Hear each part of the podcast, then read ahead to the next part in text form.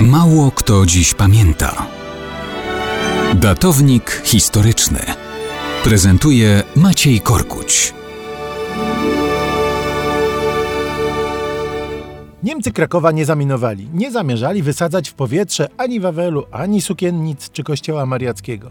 Nie dlatego, że byli fajni. Po prostu takich planów nie mieli akurat w Krakowie. To dlaczego o tym mówimy? Bo wielu ludzi wciąż wierzy w mit ocalenia Krakowa przez Armię Czerwoną. Sowieci Kraków zajęli w styczniu 1945 roku. Przez pierwsze tygodnie propaganda była standardowa. Klepano w kółko wyzwoleńczej Armii Czerwonej. Nikt nie wpadł na coś więcej, a potrzeba była. Osadzone przez Stalina władze komunistyczne miały problem z tym, że każdy niemal Polak rozumiał, że Sowieci zrobili wszystko w 1944 roku, żeby pomóc Hitlerowi zdusić powstanie warszawskie, a potem pozwalali mu systemowo niszczyć Warszawę. Więc potrzebowano wykreowania dowodu na to, że Moskwa nie mogła tego zrobić, bo w naturze Armii Czerwonej jest miłość do Polski, jej zabytków i polskiej kultury. Trzeba było wykreować dowód i ktoś wpadł na to, żeby zwyczajne zajęcie Krakowa propaganda wylansowała na nadzwyczajne ocalenie miasta i ludzi przed dramatycznym, zbrodniczym, wielkim wybuchem przygotowanym przez Niemców. Decyzja zapadła. Bajki o ocaleniu lansowano różnymi drogami. Moskwie nie przeszkadzało i nie przeszkadza do dzisiaj, że różne wersje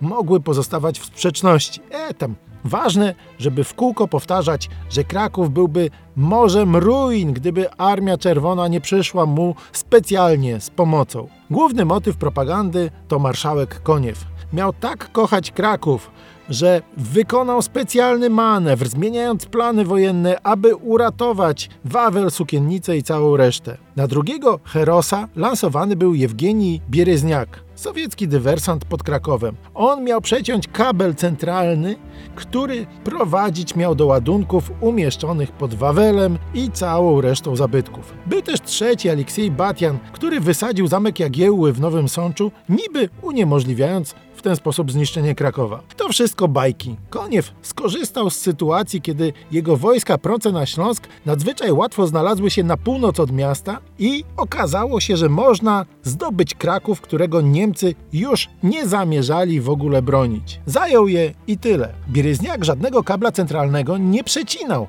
bo takiego kabla nie było i żadnych ładunków pod zabytkami Krakowa też nie było. Zresztą nigdy w PRL-u ich nie znaleziono ani nie wskazano nawet miejsc, w których były umieszczone. A Batian? Batian rzeczywiście wysadził zamek Jagiełły w Nowym Sączu. A co to miało wspólnego z Krakowem? Tego najstarsi górale nie są w stanie wymyślić.